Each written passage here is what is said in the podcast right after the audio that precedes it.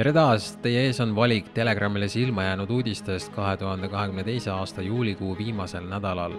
kõige enam emotsioone küttis üles Ungari peaministri Viktor Orbani kõne, mida peavooluväljaanded pidasid rassistlikuks ning konservatiivne alternatiivmeedia riigimehelikuks. Telegram aga esitab küsimuse, kuidas saab koroonaterrorist Orban olla kangelane miks on nii, et kui konservatiivne inimene on koroonaterrorist ehk survestanud oma rahvast vaktsineerima, nagu seda tegi koroona vaktsineerimise eestkõneleja Orban, siis suure hulga inimeste arvates on see kuidagi parem kui liberaali poolt peale surutud koroonameetmed.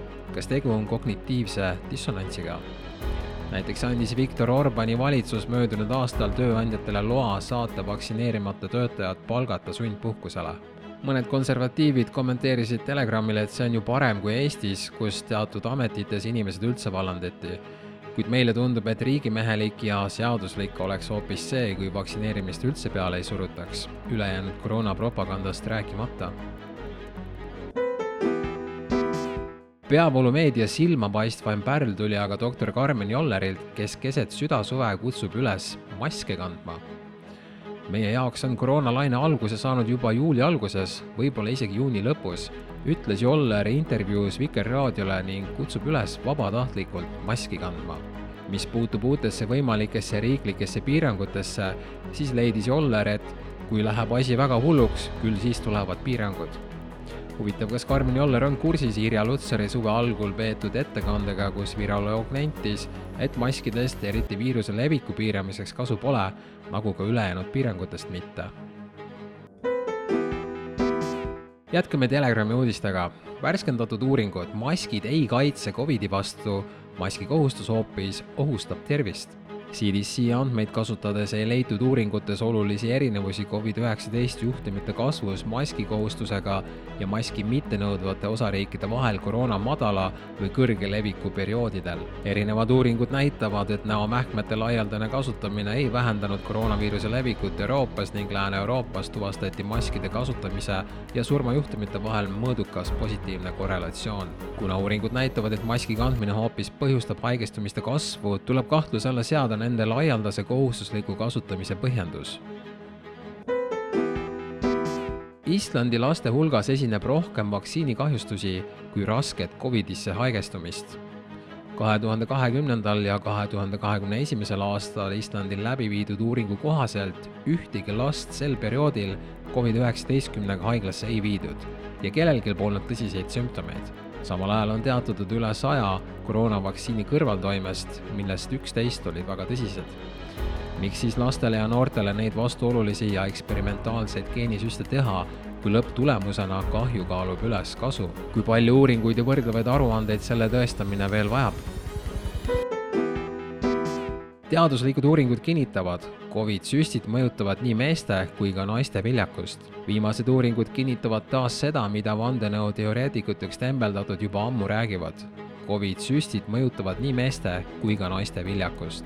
hiljutise Iisraeli uuringu kohaselt on mRNA koroonavaktsiinidel vähemalt ajutiselt negatiivne mõju meeste viljakusele Need kahjustavad sperma kontsentratsiooni ja seemnerakkude motiilsust ehk liikumisvõimet Washingtoni ülikooli korraldatud uues uuringus leiti aga, et Covid-19 vaktsiinid mõjutavad umbes neljakümne kahe protsendi naiste menstruaaltsüklit ning Varsile teatatud ligi viis tuhat vaktsineerimise järgset raseduse katkemise juhtumit.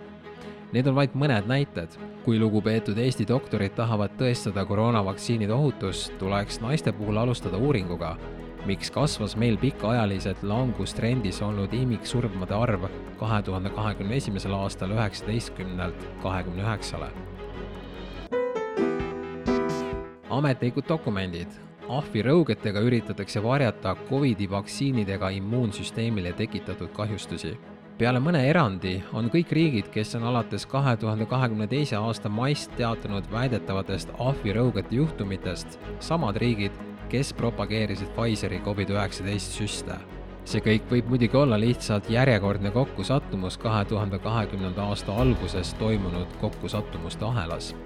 kuid nii ametlikud andmed kui ka konfidentsiaalsed Pfizeri dokumendid viitavad sellele, et Covid-19 süst võib immuunsüsteemile tekitava kahjustuse tõttu taasaktiveerida uinunud tuulerõugeviiruse või herpesviiruse USA Toidu- ja Ravimiamet, FDA, avaldas juuli alguses seoses aasta alguses tehtud kohtuotsusega järjekordse portsu Pfizer üheksateist vaktsiini ohutusandmetest, millest selgub, et kahe tuhande kahekümne esimese aasta veebruari lõpuks, vaid kaks kuud pärast Pfizeri vaktsiini erakorralise kasutusloa andmist nii USA-s kui ka Ühendkuningriigis, sai Pfizer kaheksa tuhat ükssada viiskümmend kaks teadet herpesinfektsiooni kohta täiendavad tõendid, mille on avaldanud Haiguste Tõrjekeskus CDC, näitavad, et herpes ja vöötuhatise juhtumid kasvasid USA-s pärast Covid-19 süstimist plahvatuslikult.